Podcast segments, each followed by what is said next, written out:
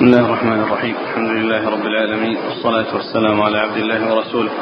نبينا محمد وعلى آله وصحبه أجمعين. أما بعد يقول الإمام الحافظ أبو عيسى الترمذي يرحمه الله تعالى قال في جامعه في كتاب الإيمان باب ما جاء أن الإسلام بدأ غريبا وسيعود غريبا. قال حدثنا أبو كريب. قال أخبرنا حفص بن غياث عن الأعمش عن أبي إسحاق عن أبي الأحوص عن عبد الله رضي الله عنه أنه قال قال رسول الله صلى الله عليه وعلى آله وسلم إن الإسلام بدأ غريبا وسيعود غريبا كما بدأ فطوبى للغرباء. قال وفي الباب عن سعد وابن عمر وجابر وأنس وعبد الله بن عمرو رضي الله عنهم. قال أبو عيسى هذا حديث حسن صحيح غريب من حديث ابن مسعود. إنما نعرفه من حديث حفص بن غياث عن الأعمش وأبو الأحوص اسمه عوف بن مالك بن نضلة الجشمي تفرد به حفص.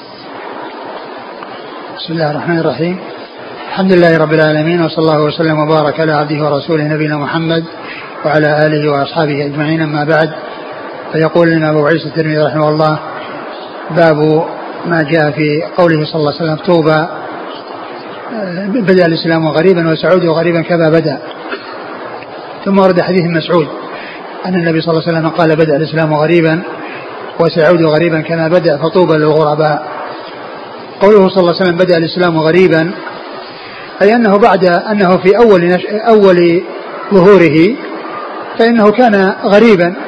وذلك أن النبي صلى الله عليه وسلم أول ما بعثه الله كان يدعو إلى التوحيد ويسلم معه الرجل والرجلان وهكذا شيئا فشيئا ثم يحصل آه، إيذاءهم بمكة وحصول إيذاء الكفار لهم ثم ينتقل إلى المدينة صلوات الله وسلامه وبركاته عليه فيظهر الإسلام بها ويبدأ انتشاره فهو بدايته بداية غربة فأهله قليلون ثم بعد ذلك يكون في اتساع وانتشار ثم بعد ذلك يحصل الانحسار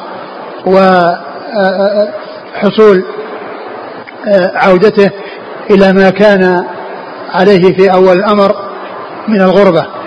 ولهذا قال صلى الله عليه وسلم بدأ الإسلام غريبا وسيعود غريبا كما بدأ. كما أنه بدأ غريبا فسيعود غريبا. ثم قال فطوبى للغرباء أي الذين يبقون على دينهم ويتمسكون بدينهم ويلتزمون بأحكام دينهم ولا يتأثرون بالمؤثرات التي تصرف الناس عن دينهم فيكون يكون لهم الوعد بأنهم من أهل الجنة. وطوبى قيل هي الجنة وقيل شجرة في الجنة. ولا شك أن هذا بيان لفضلهم وبيان لشرفهم ونبلهم وحصول الثواب العظيم لهم من الله سبحانه وتعالى. وهو يدل على أن أن كل مسلم يحرص على أن يتمسك بدينه وأن يثبت على دينه وأن يصبر. وقد جاء في بعض الأحاديث عن النبي صلى الله عليه وسلم أنه يعني يأتي وقت من الأوقات يكون القابض على دينه كالقابض على الجمر. يعني يعني في صبره وتحمله كالقابض على الجمر. القابض على الجمر يؤلمه الجمر الذي يقع في يده ولكن آه، لتصبره وتجلده آه، يكون آه، في بقائه على دينه كشأن القابض على الجمر الذي يؤلمه الجمر ولكنه صابر محتسب. فالحديث حديث عظيم. يدل على أن الإسلام بدأ غريبا وأنه يعود كما بدأ وأن الغرباء الذين يثبتون على الحق ويدومون عليه ويصلحون إذا فسد الناس ويصلحون ما أفسد الناس لا شك أن هؤلاء هم أهل الفوز وهؤلاء أهل السعادة في الدنيا آه، والآخرة. نعم. قال حدثنا أبو كريب. محمد بن العلاء ثقة أخرج أصحاب كتب الستة. عن حفص بن غياث. وهو ثقة أخرج أصحاب كتب الستة. عن الأعمش. وسليمان بن مهران ثقة أخرج أصحاب كتب الستة. عن أبي إسحاق. وهو السبيعي عمرو بن عبد الله الهمداني ثقة أخرج أصحاب كتب الستة. عن أبي الأحوص. وأبو الأحوص هو هو, هو عوف بن مالك. عوف بن مالك بن نضلة وهو ثقة. أخرج له. البخاري في المفرد ومسلم وأصحاب السنن. نعم. عن عبد الله. عبد الله بن مسعود رضي الله عنه الهذلي رضي الله عنه صاحب رسول الله صلى الله عليه وسلم وهو من فقهاء الصحابة وحديثه أخرجه أصحاب كتب الستة. قال وفي الباب عن سعد سعد بن أبي وقاص أحد العشر المبشرين بالجنة أخرج له أصحاب كتب الستة. وابن عمر. عبد الله بن عمر بن الخطاب رضي الله عنهما أحد العبادلة وأحد المكثرين من حديث رسول الله صلى الله عليه وسلم. وجابر. وجابر بن عبد الله رضي الله عنهما أحد المكثرين من حديث رسول الله صلى الله عليه وسلم. وأنس.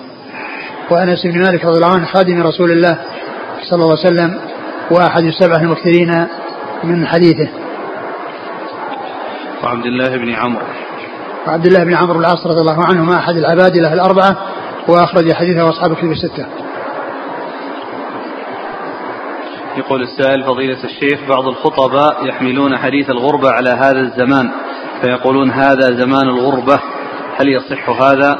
هو لا شك في غربة وذلك أن في كثير من البلدان يعني ال- ال- المسلمون الملتزمون لا شك أنهم في غربة و آه، لا شك أن- أن الزمن زمن غربة وذلك أن المسلمين وإن كانوا كثيرين إلا أنهم كما وصفهم الرسول صلى الله عليه وسلم غثاء كغثاء السيل والملتزمون المستقيمون على أمر الله المتمسكون بكتاب الله وسنة رسوله صلى الله عليه وسلم هم قليلون بالنسبة لكثرة من ينتسب إلى الإسلام.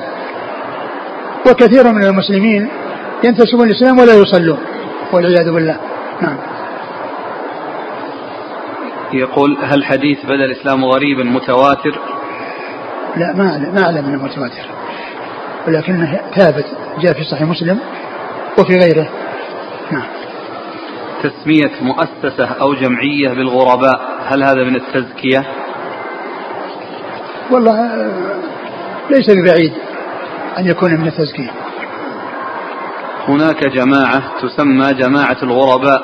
يدعون بأنهم سلفيون ولكنهم لهم أمير يكون كالخليفة يبايعونه دون الحاكم المسلم في بلدهم ويستدلون لهم بهذا الحديث فطوبى للغرباء. هذا ما يدل على أن أن أن جماعة من المسلمين آه، يجعلوا لهم أمير وهو ليس له من الأمر شيء وإنما هو داخل ولاية فإن الإمارة ال- ال- التي بيدها الحل والعقد ليس ليست كذلك.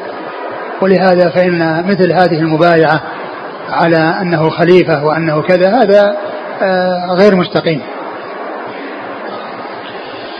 قال حدثنا عبد الله بن عبد الرحمن قال أخبرنا لكن إذا كان مثلا آه، اختاروا يعني شخص أو جماعة مسلمة أو من جماعة ينتسبون إلى السنة وإلى آه، أهل الحديث أو السلف الصالح و يعني آه، صاروا جماعة ينظمون شؤونهم ويرتبون أمورهم ويسيرون آه، في في دعوتهم على طريقة منظمة آه، ويكون لهم مرجع يرجعون إليه لكن لا يقال له أمير ولا يقال له خليفة وإنما هو تنظيم لهم بحيث تكون بدل ما يكونوا متفرقين يكون هناك جهة تنظم دعوتهم وتعين محاضرات وتعين من يقوم بالدعوة في المكان الفلاني.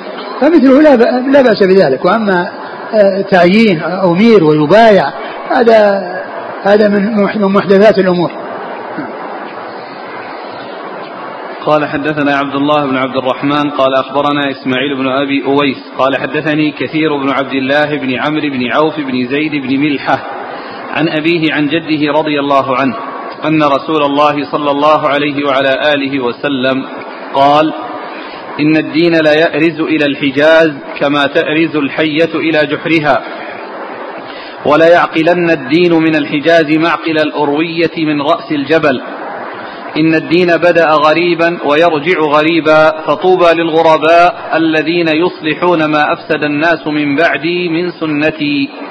قال أبو عيسى هذا حديث حسن صحيح. ثم روى أبو عيسى هذا الحديث عن عن عمرو عمرو عمرو بن عوف عمرو نعم عن عمرو بن عوف. نعم عمرو بن عوف رضي الله عنه أن النبي صلى الله عليه وسلم قال بدأ الإسلام قال إن الإسلام إن الإسلام لا يأرز. إن الدين إن الإيمان إن الدين لا يأرز إن الدين لا يأرز إلى الحجاز كما تأرز الحية نعم إلى, إلى جحرها.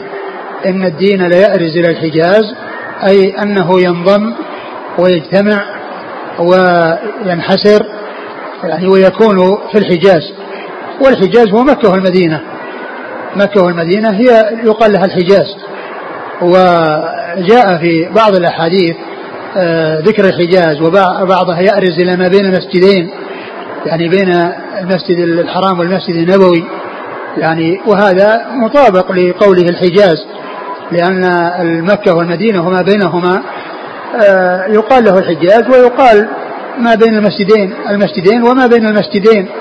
وجاء أيضا في الحديث الآخر إن الإيمان ليأرز إلى المدينة كما تأرز الحية إلى جحرها. ف فجاء فيه ذكر المدينة وجاء ذكر الحجاز الذي تدخل فيه مكة والمدينة وجاء فيه ذكر ما بين المسجدين اللي هو المسجد الحرام والمسجد النبوي يعني مكة والمدينة. فيكون كون الإسلام يأرز يعني إلى مكة والمدينة وإلى يعني ما بينهما يعني في يعني معناه إلى الحجاز الذي هو مكة والمدينة وما بينهما. كما تأرز الحية إلى جحرها يعني كما يعني تذهب إليه وترجع إليه وتأوي إليه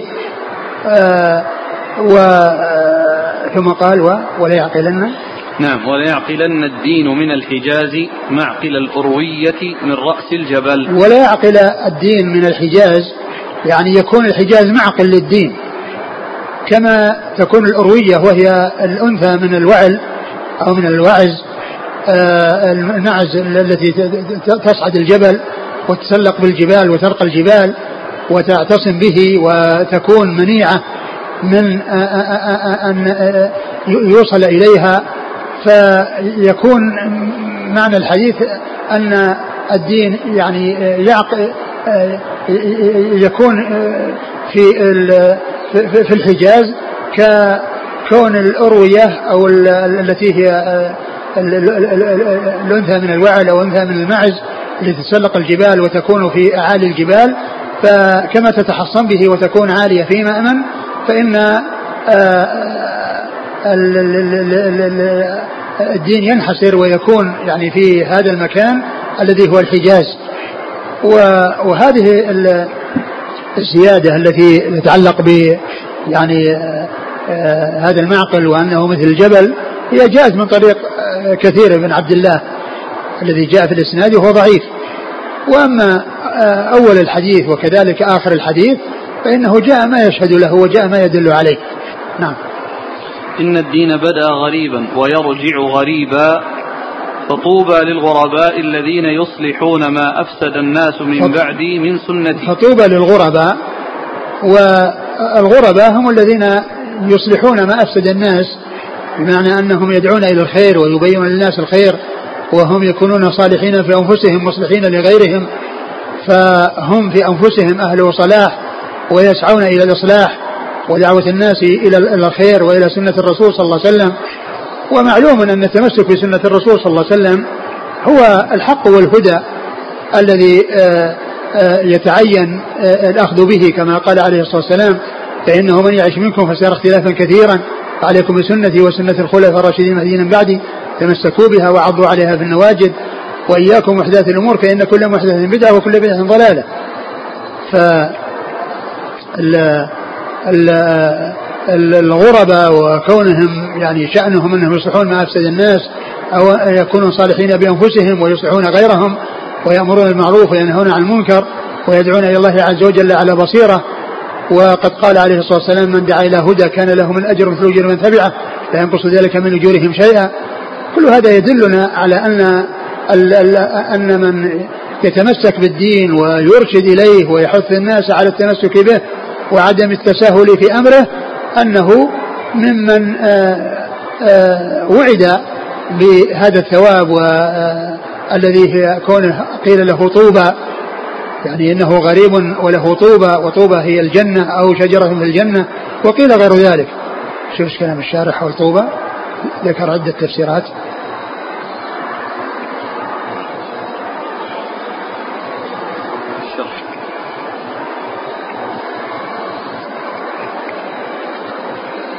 قال النووي طوبى فعلى من الطيب.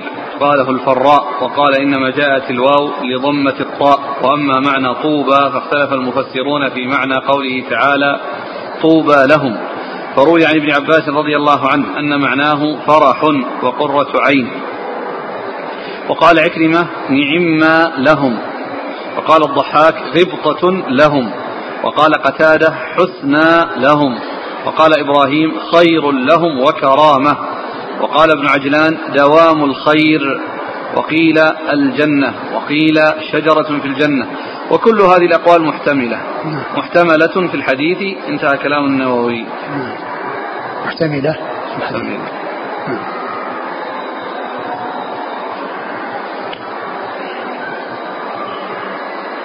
قال حدثنا عبد الله بن عبد الرحمن.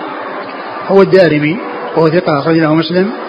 وأبو داود والترمذي. نعم. عن إسماعيل بن أبي أويس. وهو صدوق أخرج له. أصحاب الكتب إلا النسائي نعم. عن كثير بن عبد الله بن عمرو بن وهو ضعيف أخرج له. الترمذي والنسائي وأبو داود وابن ماجه. الترمذي وابن ماجه. البخاري في القراءة وأبو داود. والترمذي وابن ماجه. نعم. عن أبيه. هو؟ مقبول. أخرج البخاري في القراءة وأبو داود. والترمذي وابن ماجه. نعم. عن جده. صحابي أخرج له. البخاري تعليقا وأبو داود. والترمذي وابن ماجه. نعم. معنى أن الإيمان أو الدين يأرز إلى الحجاز. هل بمعنى أنه يعني ينحسر فقط الدين يعني الإسلام يأتي الناس يأتون إلى الحجاز. يعني كما كان الإسلام بدأ في الحجاز فإنه يعود إلى أن يكون في الحجاز. معنى أنه يعني يعني لا يكون هناك الدين في بقية البلدان؟ لا ما ما يمنع. ما يمنع أن يكون هناك دين ولكن ال ال ال الاجتماع وال والانضمام يعني وكون ينضم مسلم بعضهم إلى بعض يكون هذا لكن لا يعني أن الأرض تخلو. تخلو أن الأرض تخلو من من أهل الإيمان وأنه لا يكون الإيمان إلا في هذا المكان. ولكن يعني معناه أنه يعني يكثر. لا يقال أن الأرض تخلو وأنه يعني لا يوجد مسلم إلا في هذا المكان. ولكن هذا إشارة إلى إلى حصول الغربة وأن وأنه كما بدأ من هنا فإنه يعود إلى هنا ولكن لا يعني أنه إذا عاد آه، معناه أنه لا يبقى مسلم في بلد آخر من الأرض.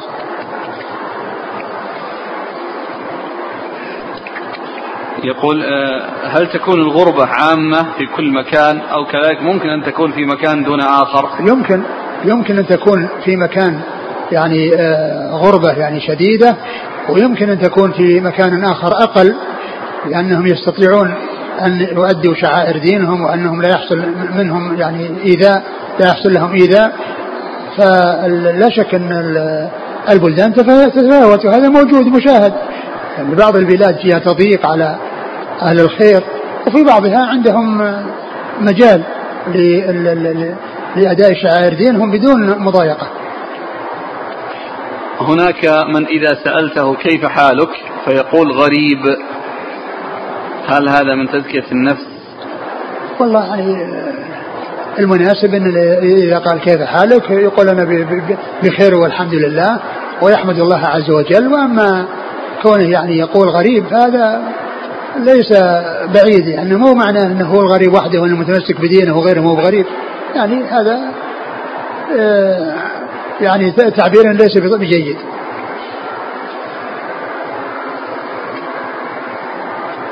هل يمكن أن يقال عن أروز الإسلام أو الدين إلى الحجاز؟ أنه يكون في الحجاز الدين الصحيح الخالي من البدع بخلاف غيرها من البلدان فربما يكون فيه شائبة. لا ليس بلازم لأنه لا يعني ذلك أن أنه يعني أن البلاد الأخرى أنها ما فيها إلا ما فيها إلا بدع والذين هم فيها مبتدعة بل قد يكون فيهم من هو على أحسن حال ومستقيم. يعني تماما ومتمسك بدينه وقابض على دينه كالقابض على الجمر لا يعني ذلك أن يكون ثم أيضا لا يعني ذلك أن الحجاز إذا كان كان رجع إليه أنه يعني كل الذين يكونوا فيه أنهم على سلامة وعلى استقامة فإنه آه، وإن كثر فيهم الخير فإنه يكون فيهم الشر. ولهذا جاء في الحديث في آخر الزمان عندما ترجف المدينة عندما يكون الدجال يكون في آه، أطرافها وترجف المدينة ثلاث رجفات قال فيخرج منها كل كافر وكافر وكل منافق ومنافق. مو معنى ذلك أن أن الخير إذا كثر في بلد أنه يكون فيه خالص وأنه لا يوجد فيهم شرير فيوجد. وإذا قل الخير في بلد وكثر الأشرار لا يعني ذلك أنه آه، آه، لا يوجد فيهم شرير. فإن الخير يعني يكثر في مكان ويقل في مكان ولكن لا يقال ان ان ان, إن, إن الاستقامة وأن من يكون فيه خيرا هو في الحجاز فقط وأن الأرض تخلو لا لا يقال هذا. يقول لطيفة ذكر بعض أهل العلم أن الشاطبي رحمه الله بدأ كتابه القيم الاعتصام بحديث بدأ الإسلام غريبا فطوبى للغرباء ففيه تنبيه وإشارة للقارئ كأنه يقول يا أيها القارئ لكتابي ويا أيها السالك لهذه الطريق تنبه إن تمسكت بما أقول لك من متابعة الكتاب والسنة ستجد نفسك غريبا بين الناس. فلا تستوحش ولا يهولنك ذلك ولا تنسى فطوبى للغرباء فاختر لنفسك. لا شك ان إن كتاب الاعتصام كتاب جيد وكتاب عظيم وكتاب مفيد ويبين فيه السنة واتباع السنة والالتزام بالسنة والبعد. عما يعني عما يخالفها. و وابن رجب رحمه الله شرح هذا الحديث في جزء خاص. يعني شرح هذا الحديث حديث الغرباء في جزء خاص. قال رحمه الله تعالى باب ما جاء في علامة المنافق. قال حدثنا أبو حفص عمرو بن علي قال حدثنا يحيى بن محمد بن قيس عن العلاء بن عبد الرحمن عن أبيه عن أبي هريرة رضي الله عنه أنه قال قال رسول الله صلى الله عليه وعلى آله وسلم آية المنافق ثلاث إذا حدث كذب وإذا وعد أخلف وإذا اؤتمن خان. قال أبو عيسى هذا حديث حسن غريب من حديث العلاء. وقد روي من غير وجه عن أبي هريرة عن النبي صلى الله عليه وسلم. وفي الباب عن ابن مسعود وأنس وجابر رضي الله عنهم. قال حدثنا علي بن حجر قال حدثنا إسماعيل بن جعفر عن أبي سهيل بن مالك عن أبيه عن أبي هريرة رضي الله عنه عن النبي صلى الله عليه وسلم نحوه بمعناه. قال أبو عيسى هذا حديث صحيح وأبو سهيل هو عم مالك بن أنس واسمه نافع بن مالك بن أبي عامر الأصبحي الخولاني. ثم قال أبو عيسى رحمه الله باب في علامة المنافق والنفاق نوعان اعتقادي وعملي. فالاعتقادي هو الذي فيه إظهار الإيمان وإبطان الكفر ومخالفة الظاهر الباطن.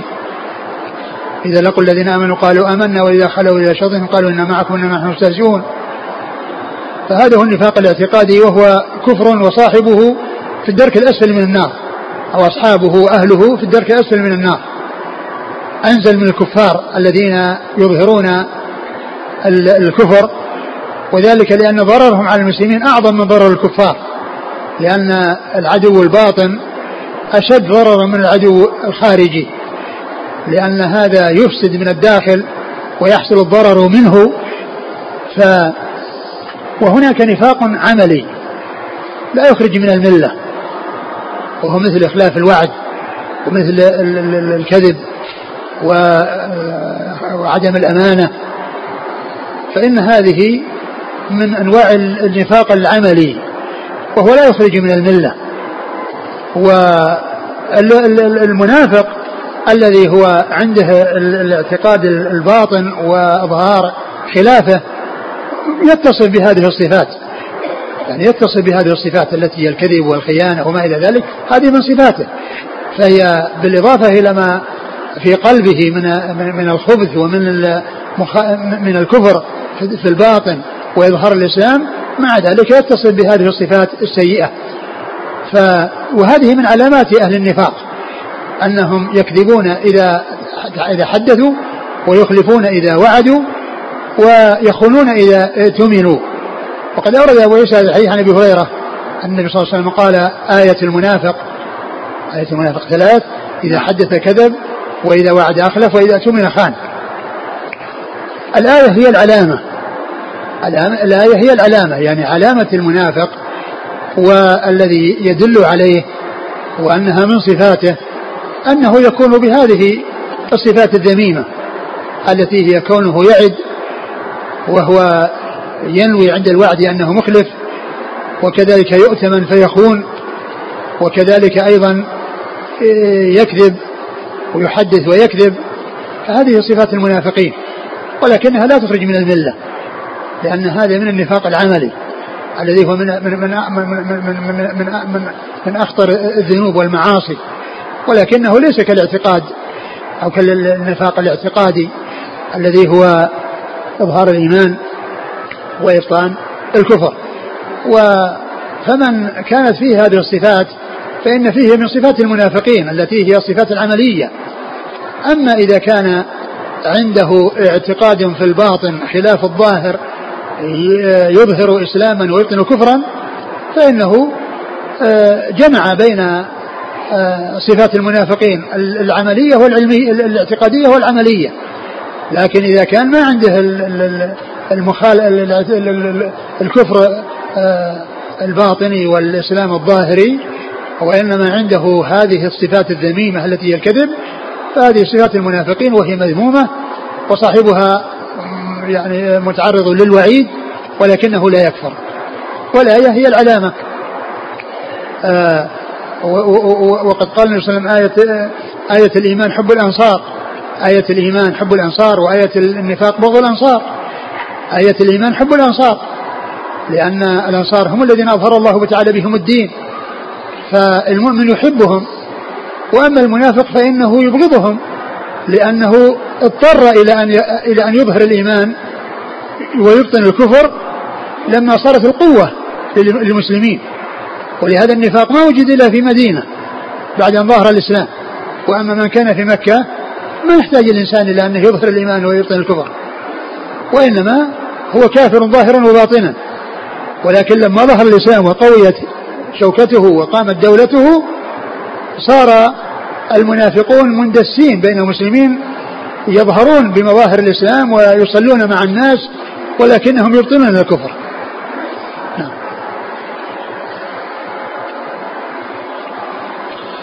قال حدثنا أبو حفص عمرو بن علي. هو الفلاس ثقة أخرج أصحاب الكتب الستة وهو شيخ لأصحاب الكتب الستة. عن يحيى بن محمد بن قيس. هو؟ صدوق يخطئ كثيرا أخرج البخاري في المفرد ومسلم. وابو داود في المراسيل والترمذي والنسائي وابن ماجه. عن العلاء بن عبد الرحمن. وهو صدوق أخرج البخاري جزء جزء القراءة. ومسلم ومسلم وأصحاب السنة. عن ابي وأبوه ثقة أخرجه مسلم في جزء القراءة ومسلم وأصحاب السنة. عن أبي هريرة. عن أبي هريرة عبد الرحمن بن صخر الدوسي رضي الله عنه أكثر الصحابة حديثا.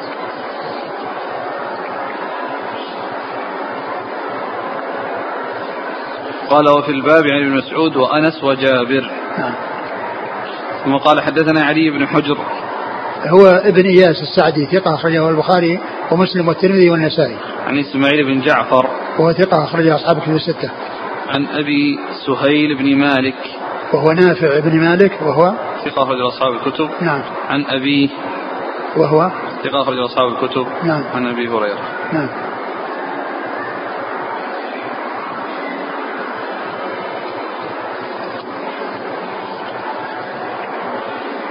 يقول ما النفاق الذي حكى ابن أبي مليكة أنه أدرك عددا من الصحابة كلهم يخاف على نفسه النفاق؟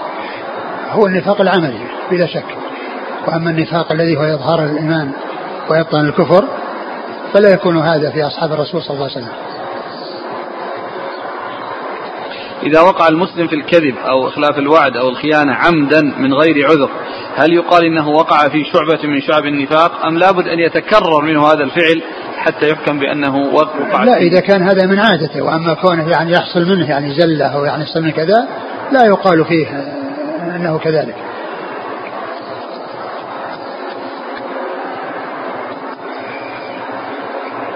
لأن الحديث يعني إذا حصل من كذا وإذا حصل من يعني هذا من شأنه وهذه منهجه وديدنه وطريقته. يقول هل النفاق العملي من قبيل الشرك الأصغر؟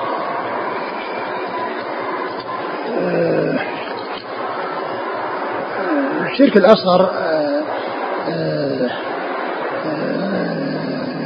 جاء يعني اطلاق الشرك. وأما النفاق يعني كونه آه، شرك أصغر لأن الشرك يعني جاء أنه لا يغفر ولهذا اختلف العلماء هل الشرك الأصغر يغفر أو لا يغفر.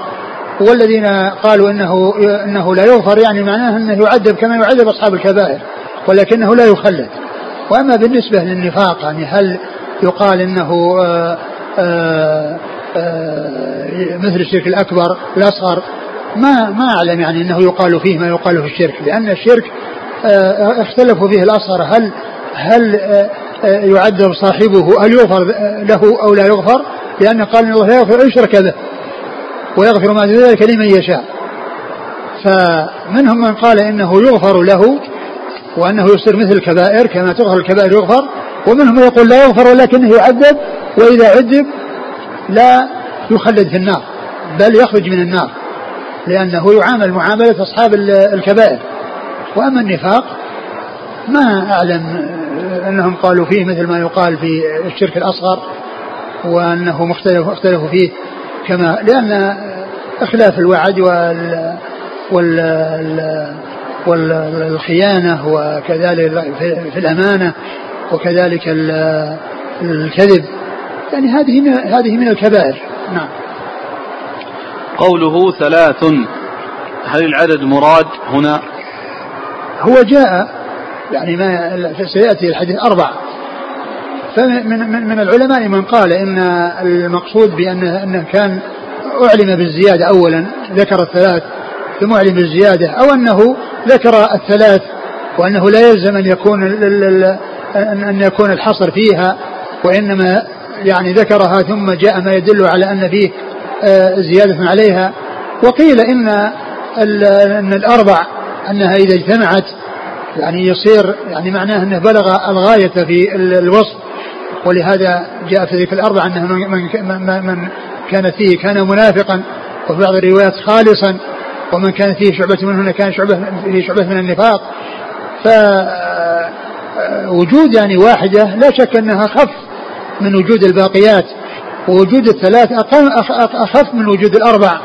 ولهذا جاء ذكر أنه عند ذكر الأربع من كانت فيه كان منافقا خالصا. نعم. ومن كانت فيه خصلة منهم كانت فيه خصلة من النفاق. يعني معناه أن كل واحدة منها فيه خصلة. فإذا وصل إلى الأربع يعني معناه أنه وصل الغاية في النفاق العملي. نعم. قال حدثنا محمود بن غيلان قال حدثنا عبيد الله بن موسى عن سفيان عن الأعمش عن عبد الله بن مرة عن مسروق عن عبد الله بن عمرو رضي الله عنهما عن النبي صلى الله عليه وآله وسلم أنه قال أربع من كن فيه كان منافقا وإن كانت خصلة منهن فيه كانت فيه خصلة من النفاق حتى يدعها. من إذا حدث كذب وإذا وعد أخلف وإذا خاصم فجر وإذا عاهد غدر. قال هذا حديث حسن صحيح. قال حدثنا الحسن بن علي الخلال قال حدثنا عبد الله بن نمير عن الأعمش عن عبد الله بن مرة بهذا الإسناد نحوه. قال أبو عيسى هذا حديث حسن صحيح. وإنما معنى هذا عند أهل العلم نفاق العمل وإنما كان نفاق التكذيب على عهد رسول الله صلى الله عليه وسلم. هكذا روي عن الحسن البصري شيئا من هذا أنه قال النفاق نفاقان نفاق العمل ونفاق التكذيب. نعم نفاق التكذيب هو نفاق الاعتقاد. وكان آه، سبب النفاق الاعتقادي هو ظهور الإسلام وقوته. فمن كان لم يرضى بالإسلام وصار الحكم للمسلمين وهو كان بينهم اضطر إلى أنه يبقى على ما هو عليه ولكنه يظهر للناس أنه من المسلمين ولكنه في باطن الأمر يعتقد أن أن ما عليه المسلمين ليس هو الحق وأن الحق خلاف ذلك فهو يظهر الإيمان ويبطن الكفر. وهذا هو آه الذي اضطر آه من كان كافرا آه ظاهرا وباطنا إلى أن يغير حاله من أن يظهر الكفر ويظهر الإيمان ويبطن الكفر لظهور قوة الإسلام. وهذا إنما حصل في المدينة. ولم يحصل بمكة. وأما النفاق العملي فهو هذه الصفات. فمن كان في خصلة من هذه الأربع ففي خصلة من النفاق ومن اجتمع فيه تمكن من النفاق العملي الذي هو اجتماع هذه الصفات الأربع. وهي الثلاث التي مرت وإضافة إليها الفجور, الفجور عند المخاصمة. يعني معناه أنه عندما يخاصم لا يتورع فيتكلم على خصمه بالكلام القبيح ويصفه بالصفات السيئة التي آه، يكون بريئا منها ولكنه دفع إلى ذلك الفجور في الخصومة فإنه آه، يضيف إلى خصمه ويصف خصمه آه، بالقبائح وبالأمور السيئة ولا شك أن هذا من الظلم. وهذا شأن المنافق الذي النفاق المنافق النفاق العملي. نعم.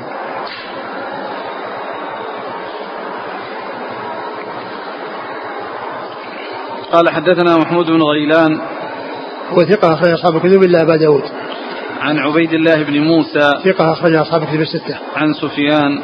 سفيان الثوري ثقة أخرج أصحاب الكتب الستة. عن الأعمش. آه، ثقة أخرج أصحاب الكتب الستة. عن عبد الله بن مرة. ثقة أخرج أصحاب الكتب الستة. عن مسروق. ثقة أخرج أصحاب الكتب الستة. عن عبد الله بن عمرو. نعم. قال حدثنا الحسن بن علي الخلال هو الحلواني ثقة أخرج أصحاب الكتب الستة إلا النسائي. عن عبد الله بن نمير ثقة أخرج أصحاب الكتب الستة. قوله قول أبي عيسى وإنما كان نفاق التكذيب على عهد رسول الله صلى الله عليه وسلم. الحصر هنا. آه آه ليس يعني كان أصله يعني لا شك أنه وجد ولكن لا يعني ذلك أنه أنه لا يوجد يعني فيما بعد فإنه يوجد فإظهار الإيمان وإبطان الكفر هذا لا لا ينحصر وإنما آه، المنافقون الذي نزل فيهم القرآن وجاء آه، النص على كفرهم آه، بالله ياتي ورسوله كنتم تستهزئون لا تعتذروا قد كفرتم بعد إيمانكم. إنما جاء في حق المكذبين وأهل التكذيب وليس أهل النفاق العملي. نعم.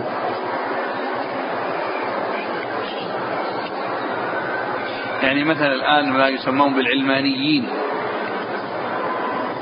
نعم يعني العلمانيين الذين يعني هذا شأنهم يعني إذا لاقوا المؤمنين يعني صاروا ظهروا المظهر الطيب وإذا خلا بعضهم إلى بعض يعني صاروا مثل ما حكى الله عن المنافقين يعني يضحكون ويتغامزون ويقولون يعني ضحكنا عليهم أو أننا يعني آه، يعني آآ آه، معناه أننا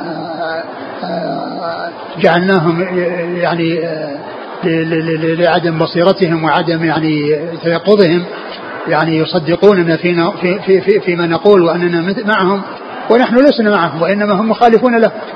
فالعلمانيين لأن هذا شأنهم اللي هم المنافقين يظهرون للناس إذا صارت القوة يعني لأهل الخير يظهرون لهم بمظاهر طيبة وإذا صارت القوة للكفار وللناس الذين لا خير فيهم أظهروا ما, هم عليه من الباطل ولم يضطروا إلى أن يظهروا الإيمان ويبطنوا الكفر. نعم. هل هناك فرق بين الزنديق والمنافق؟ آه، المنافق لا شك أنه زنديق. والزندقة يعني عم من النفاق لأن لأن إظهار الإيمان وإبطال الكفر لا شك أنه زندقة وقد يكون الإنسان يعني يظهر منه أو يحصل منه يعني آه، أمور قبيحة هي زندقة ويظهرها آه، فيكون آه، المنافق يعني زندقته أخفاها وإيمانه أظهره وأما من يوصف بالزنديق فقد يظهر زندقته فقد يظهر زندقته ويأتي ب يعني أمور هي زندقة ويظهرها ولا يكون يخفيها نعم. لأن الناس من يظهر يعني آه، الزندقة والكفر وهو وهو وقد وهو ينتسب للإسلام نعم. الحكم على رجل بأنه منافق لأن وجدت فيه هذه الخصال والمراد يعني النفاق العملي. هل يستقيم؟ كون الحكم الناس يعني كما هو معلوم يتفاوت لأن بعض الناس قد يحصل من الإنسان غلطة وكذا فالحكم بمجرد ذلك لا يصلح. لكن من عرف أنه من عادته كذا وأنه متصف بهذا والذي حكم عليه أو عرفه بذلك من أهل الثقة والعدالة والأمانة يمكن أن يوصف بأنه منافق نفاقا عملي أقول يمكن مثل ما مثل ما يوصف المرتكب الكبيرة بأنه مرتكب كبيرة. قال حدثنا محمد بن بشار قال حدثنا أبو عامر قال حدثنا إبراهيم بن طهمان عن علي بن عبد الأعلى عن أبي النعمان عن أبي وقاص عن زيد بن أرقم رضي الله عنه قال قال رسول الله صلى الله عليه وعلى آله وسلم إذا وعد الرجل وينوي أن يفي به فلم يف به فلا جناح عليه. قال أبو عيسى هذا حديث غريب وليس إسناده بالقوي. علي بن عبد الأعلى ثقة ولا يعرف أبو النعمان ولا أبو وقاص وهما وهما مجهولان. أعد المتن قال رسول الله صلى الله عليه وسلم إذا وعد الرجل وينوي أن يفي به فلم يف به فلا جناح عليه. إذا كان لم يفي لعذر فلا شك أنه معذور. وإن كان غير قادر فلا شك أن هذا من من إخلاف الوعد. إذا كان قادرا وقد وعد فعليه أن ينجز. يعني وهذه الصفة الكريمة والصفة العظيمة أن الإنسان آه، إذا وعد ينجز. وإذا لم ينجز لا يعد حتى يكون في عافية. وإذا كان الإنسان وعد ولكنه حصل له عذر يمنعه من الوفاء فهو معذور. والحديث الذي أورده المصنف هنا هو ضعيف لأن فيه مجهولان. فيه مجهولان فهو غير صحيح. ولكن كل إنسان يعد ولكنه لا يتمكن بسبب العذر لا شك أنه معذور. ولكن الذي يعد وعنده قدرة ومتمكن لا شك أن هذه صفة ذميمة. قال حدثنا محمد بن بشار هو الملقب بن داو ثقة أخرج أصحاب الكتب الستة. عن أبي عامر هو العقدي وهو ثقة أخرج أصحاب الكتب. نعم. عن إبراهيم بن طهمان هو ثقة. أخرج نعم. أخرج له أصحاب الكتب. نعم. عن علي بن عبد الأعلى وهو صدوق. ربما وهم أخرج أصحاب السنن. نعم. عن أبي النعمان وهو مجهول. أبو داود والترمذي. ومثله. أبو وقاص. نعم. مجهول أخرجه أبو داود والترمذي. عن نعم. عن زيد بن أرقم. رضي الله عنه أخرجه أصحاب الكتب الستة.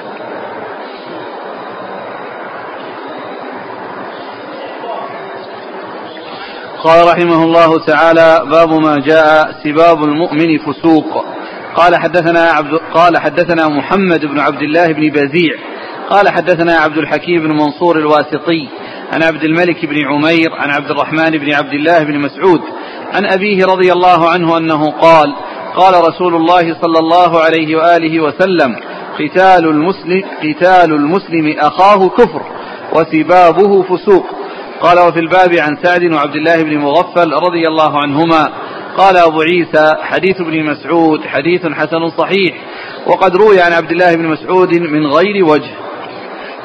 ثم أورد أبو عيسى آه هذا الباب باب سباب المؤمن فسوق. باب سباب المسلم فسوق.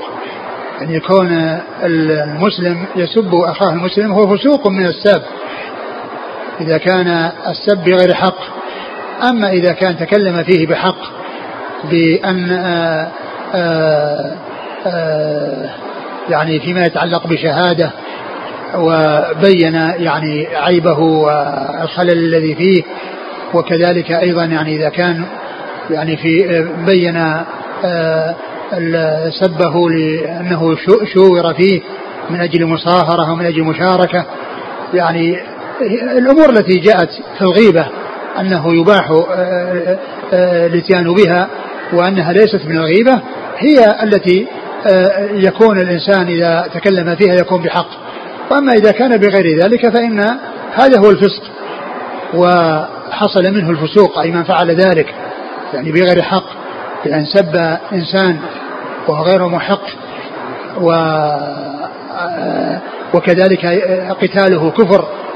ومن المعلوم أن المقصود بالكفر أنه كفر دون كفر وليس مع ذلك أنه خروج من الملة.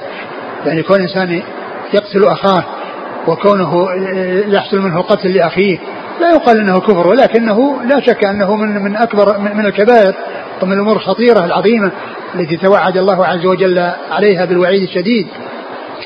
فهو كفر دون كفر. نعم. قتال المسلم أخاه كفر وسبابه فسوق. نعم. مع أن كلاهما معصية وكلاهما من الكبائر. إيه لكن بس بعضهم أخطر من بعض. ولهذا الشيء الذي يوصف بأنه كفر أخطر من الذي يوصف بأنه فسق. معلوم أن القتل أعظم من السب.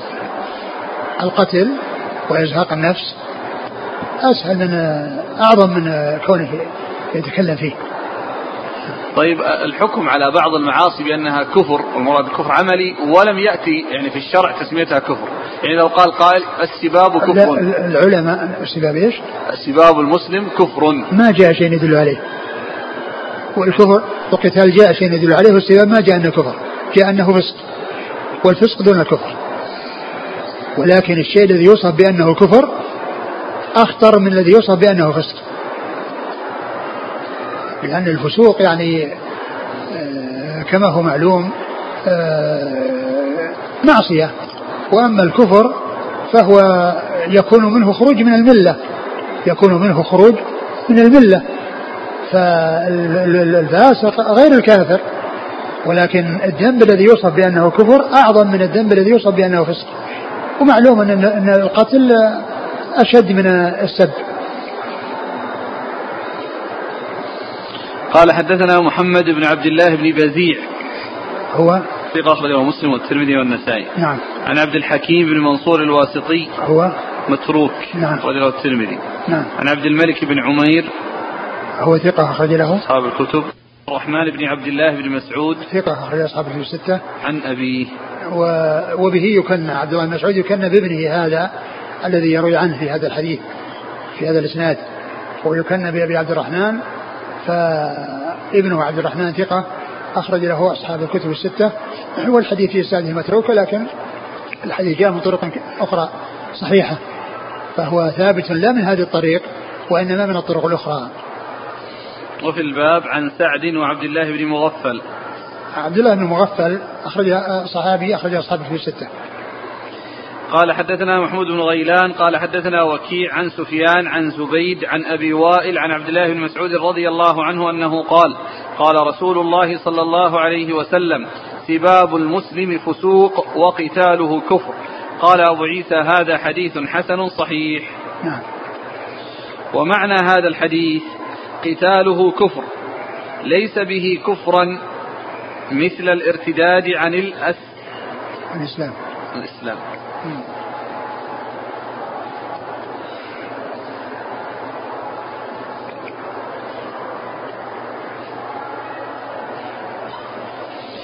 ليس به كفرا مثل الارتداد عن الإسلام والحجة في ذلك ما روي عن النبي صلى الله عليه وسلم أنه قال من قتل متعم من قتل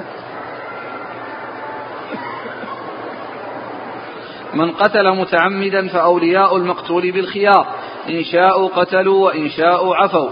ولو كان القتل كفرا لوجب.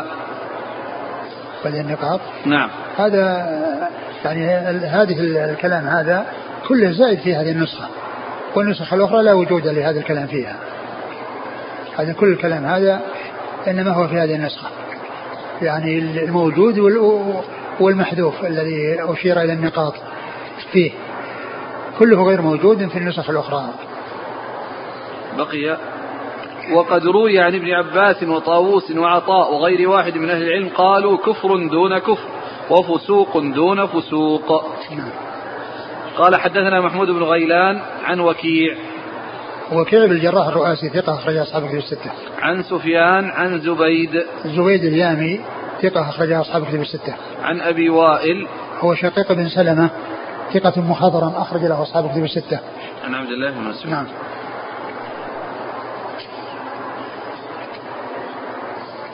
يقول فسوق دون فسوق. لا شك أن الفسوق متفاوت. الفسوق متفاوت يعني, يعني لأن كما هو معلوم الزنا فسوق والسباب أخف منه. يعني الآن مر معنا أن هناك نفاق أكبر ونفاق عملي ونفاق أصغر. وكفر أكبر وكفر أصغر. نقول فسق أكبر. لا هو الفسق يأتي بمعنى الكفر أيضا لأن الكفر الفسق يأتي بمعنى الكفر. ولكنه يعني هنا لما قابل بين الكفر وبين الفسوق والذي وصف إلى الكفر يعني الكفر يعني شيء أعظم يعني معناه المقصود به الفسوق الذي هو المعصية ولكن المعاصي التي هي فسوق متفاوتة فإن السباب يعني أهون من الزنا. نعم وكله كل ذلك فسوق. ولكنه جاء يعني ما يدل على أن أيضا الفسق يقال يطلق على الكفر كما أن الظلم أيضا يطلق على الكفر. يعني في بعض ال مثل آه، آه، تتجافى جنوبها عن مضاجع آه، ما رزقنا فمن كان من كان فاسقا لا يستوون. فذكر يعني الفسق هنا مقابل الإيمان اللي هو الكفر. نعم.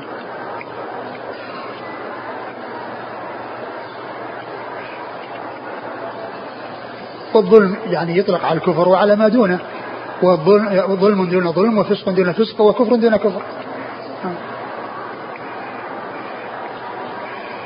والآية الآية الثلاث التي إن شاء الله هم الكافرون هم الظالمون هم الفاسقون. آه، ظلم كفر دون كفر وظلم دون ظلم وفسق دون فسق. والفسق يطلع على الكفر والظلم يطلع على الكفر إن الشرك لظلم عظيم. قال رحمه الله تعالى باب ما جاء في من رمى أخاه بكفر.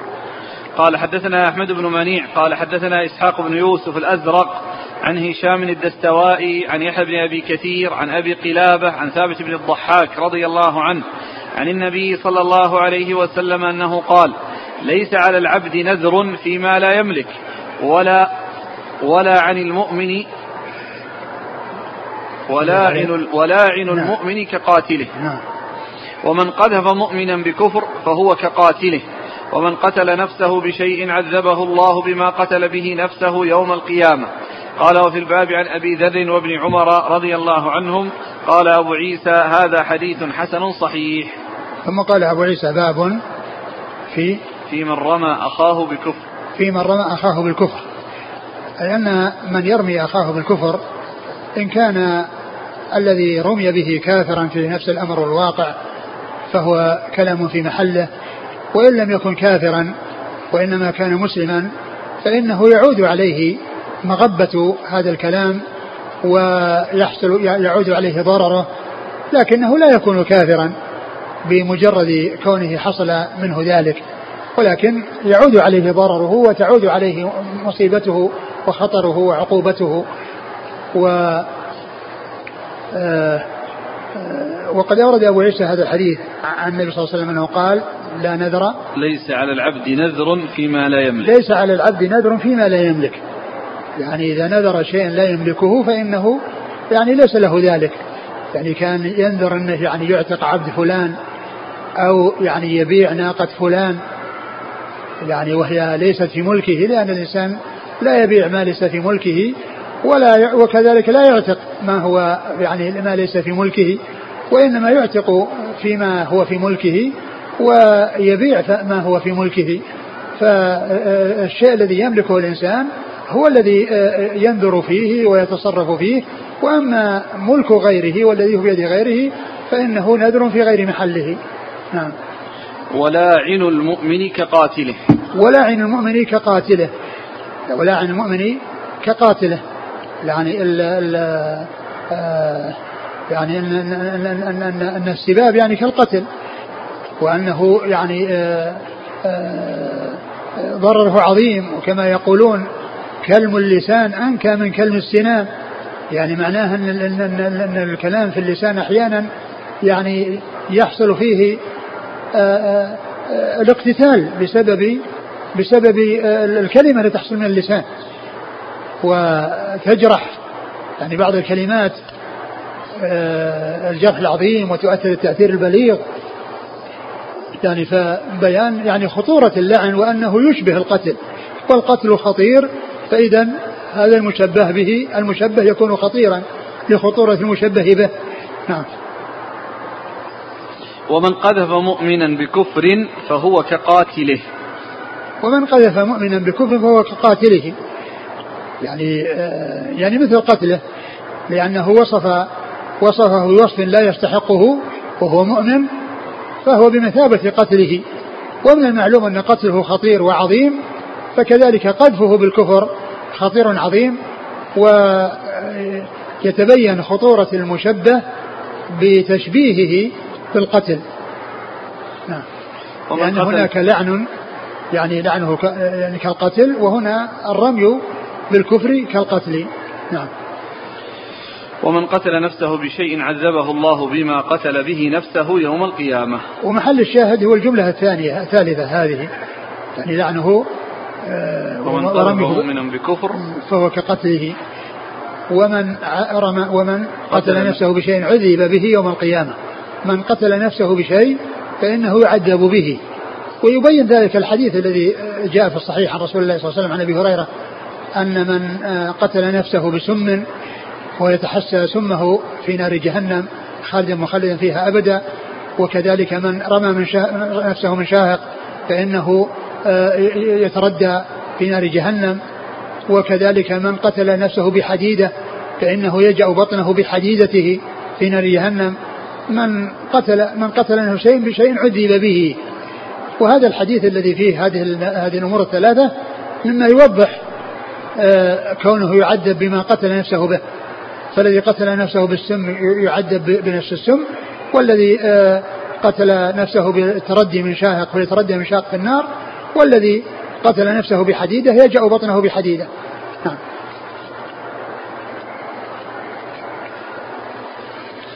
قال حدثنا أحمد بن منيع ثقة أخرج أصحاب كتب الستة. عن إسحاق بن يوسف الأزرق. هو ثقة أخرج أصحاب كتب الستة. عن هشام الدستوائي. ثقة أخرج أصحاب كتب الستة. عن يحيى بن أبي كثير. اليمامي ثقة أخرج أصحاب كتب الستة. عن أبي قلابة.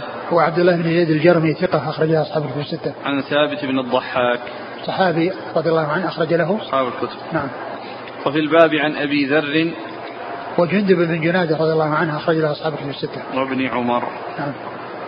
قال حدثنا قتيبة عن مالك عن عبد الله بن دينار عن ابن عمر رضي الله عنهما عن النبي صلى الله عليه وسلم أنه قال أيما رجل قال لأخيه كافر فقد باء به أحدهما هذا حديث حسن صحيح غريب ومعنى قوله باء يعني أقر. أه كلمة أقر هنا تفسير أقر هنا غير واضحة ولا توجد في نسخة الشارح يعني هذا هذا الشرح. و وإنما الذي آه، يعني آه، الذي معناه أنه رجع عليه أو حار عليه كما جاء في بعض الروايات حار عليه أو رجع عليه آه، أو حصل له. وأما أقر فإنها لا تستقيم بهذا بهذا اللفظ. ولكنها أقر أبوء أبوء تأتي بمعنى أقر أبوء بذنبي وأبوء بنعمتك علي. يعني فإنها بمعنى أقر. والحاصل أن هذه الكلمة هنا وتفسير باء بها غير واضح وإنما هي واضح في تفسير أبوء آه، كما جاء في حديث سيد الاستغفار. و وهذه توجد في بعض النسخ ولا توجد في نسخة الشارح. أيما رجل قال لأخيه كافر فقد باء به أحدهما. يعني إن كان الذي قيلت فيه كافر فهو كلام في محله. وإن لم يكن كافرا فإنه يبوء يبوء القائل بمغبة ذلك وبعقوبة ذلك. لكن لا يقال إنه خرج من الإسلام بكونه قال لغيره ممن هو كافر كافر. نعم. ممن هو مسلم قال عنه إنه كافر.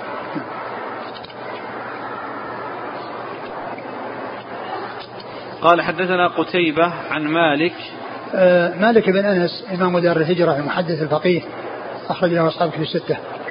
عن عبد الله بن دينار ثقة أخرج أصحابه في الستة. عن ابن عمر. وهذا الإسناد من الرباعيات الذي هي من أعلى الأسانيد عند الترمذي.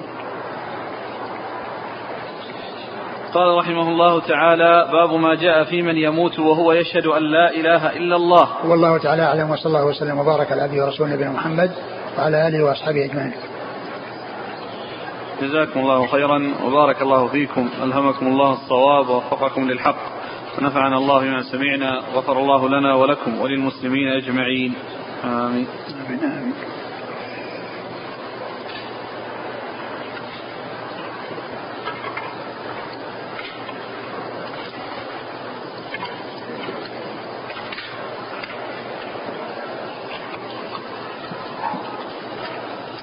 يقول السائل هل المنافقون الذين سماهم النبي صلى الله عليه وسلم لحذيفة رضي الله عنه نفاقهم اعتقادي؟ وإن كان كذلك فلما قال له عمر رضي الله عنه هل أنا منهم؟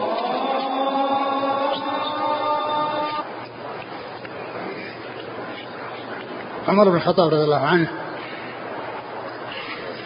آه، عمر بن الخطاب رضي الله عنه هو من أهل الجنة. وهو يعلم أنه من أهل الجنة والصحابة يعلمون أنه من أهل الجنة. وهو مؤمن ظاهرا وباطنا. والصحابة يعلمون أنه مؤمن ظاهرا وباطنا. وأنه بريء من النفاق الاعتقادي. ولا يتصور هذا في حقه. وقد شهد له الرسول صلى الله عليه وسلم بالجنة. والصحابة يعلمون أنه من أهل الجنة. ولكن هذا شأن أولياء الله. يعني لكمالهم يؤتون ما أتوا وقلوبهم وجلة أنهم إلى ربهم راجعون. وهم يتواضعون. وقدوتهم في ذلك رسول الله صلى الله عليه وسلم الذي غفر له ما تقدم من ذنبه وما تأخر ومع ذلك يقوم على قدمه الشريف حتى يتفطر. ولما قالت له عائشة كيف تفعل وقد غفر الله لك ما تقدم من ذنبك وما تأخر قال فلا أكون عبدا شكورا. فكان شأن أصحاب رسول الله صلى الله عليه وسلم أنهم مع كمالهم يتواضعون لله. ولكن لا يعني آه لكن لا يقال أن عمر رضي الله عنه يعني يخشى أن يكون من أهل النفاق الاعتقادي وأنه يظهر الإيمان ويبطن الكفر. لا يكون هذا ولا يتصور هذا في حق عمر ولا في حق من هو دون من هو دون عمر من من من, من, من أصحاب الرسول صلى الله عليه وسلم. وإنما أن هذا كما هو معلوم من التواضع. ثم أيضا يعني هو محمول على يعني أن صفات المنافقين التي يعني هي ذنوب ومعاصي. وأما أن يكون عمر يعني يشك في أنه مؤمن ظاهر وباطن وأنه من أهل الجنة فهو عالم بهذا. ولكن آه، أولياء الله عز وجل هذا هو شأنهم. يعني جمعوا بين الإيمان والخوف. جمعوا بين الإيمان والخوف. فهم مؤمنون يخافون الله عز وجل ويرجونه فالمراد بذلك هو النفاق الذي يخشاه عمر أو أن هذا هو العملي لا الاعتقادي ولا يتصور في حق عمر النفاق الاعتقادي الذي هو كونه يظهر الإيمان ويبطن الكفر. نعم. والشارح أشار إلى هذا. شوف كلام الشارح.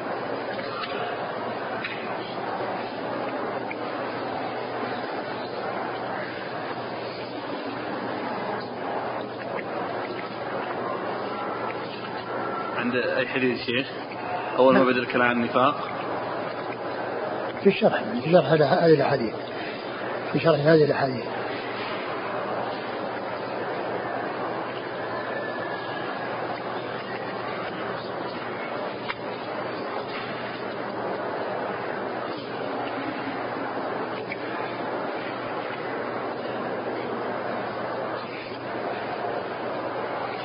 وقد قيل في الجواب عنه إن المراد بالنفاق النفاق العمل وهذا ارتضاه القرطبي واستدل له بقول عمر لحذيفة هل تعلم في شيئا من النفاق؟ فإنه لم يرد بذلك نفاق الكفر وإنما أراد نفاق العمل ويؤيده وصفه بالخالص. في الحديث الثاني بقوله كان منافقا خالصا. هو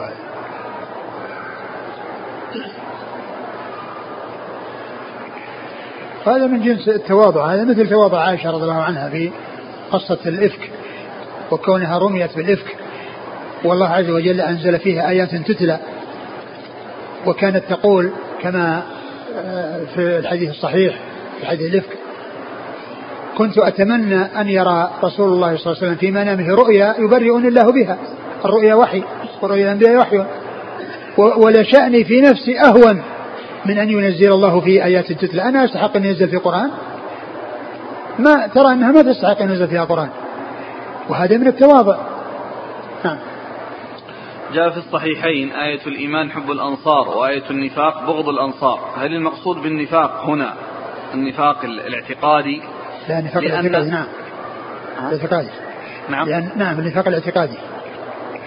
لأن المنافقين آه يعني ما اضطروا إلى أن يظهر الإيمان ويبطن الكفر إلا ما لما ظهر الإسلام وقوي بالأنصار الذين نصر الرسول صلى الله عليه وسلم وصارت القوة للإسلام وأهله.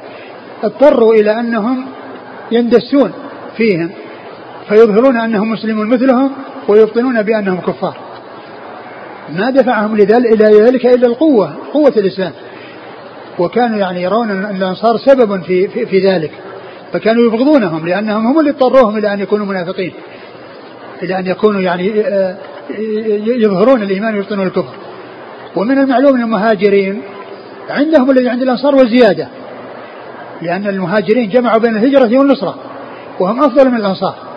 ولهذا وصفهم الله عز وجل بالوصفين في سورة الحشر الفقراء المهاجرين يخرجون من ديارهم وأموالهم يبتغون فضلا من الله ورضوانه وينصرون الله ورسوله. فعندهم ما عند الأنصار وزياده و ولهذا كان المنافقون يكرهون الأنصار ويبغضونهم لأنهم لأن ظهور الإسلام بسببهم هو الذي جعلهم يظهر الإيمان ويبطن الكفر. يقول إذا وعد الرجل أخاه وعلق ذلك بالمشيئة ولم يفي فهل عليه شيء؟ والله على الإنسان أنه إذا وعد أنه يفي ولكنه إذا إذا لم إذا لم يعد إذا لم يرد أن يعني يفي فإنه يعتذر بكلام طيب دون الوعد. يعتذر بكلام طيب دون الوعد. ولكن لا شك ان آه، لأن ذكر المشيئة قد يكون آه، تحقيق وليس تعليق وقد يفهم منه التعليق التحقيق نعم إذا مات المعسر وهو ينوي رد الدين فهل يعذب في قبره إذا مات المعسر وهو ينوي أن يرد الدين. يعني يرجى يعد... أقول يرجى يعني جاء في بعض الأحاديث ما يدل على أن من كان حريصا على الوفاء فإن الله يعني يوفي عنه. ويعني ف يعني جاء ما يدل على ذلك. فالإنسان الذي آه، كان حريصا ولم ينوي آه، لم يكن في قلبه نية الجحد أو نية عدم الرد فيرجى أن الله سبحانه وتعالى يسخر ذلك بأن يسمح عنه أو أنه آه، آه، يتجاوز الله عنه أو يعطي ذاك الذي هو له الحق ما يعطيه ليكون هذا كان حريصا على الوفاء ولم يتمكن من الوفاء. الحاصل أن من يكون معسرا وكان يعني ناويا ف فإنه يرجى أن يعفى عنه. وأما قضية الدين وكونه عليه دين هذا جاء في الحديث أن الإنسان يؤاخذ ويعاقب. ولهذا الرسول صلى الله عليه وسلم قال يغفر للشهيد كل شيء ثم قال إلا الدين. والحديث ذاك الذي الدينار أبو قتادة قال الآن بردت عليه جلدته. نعم. جزاكم الله خيرا. سبحانك اللهم وبحمدك أشهد أن لا إله إلا أنت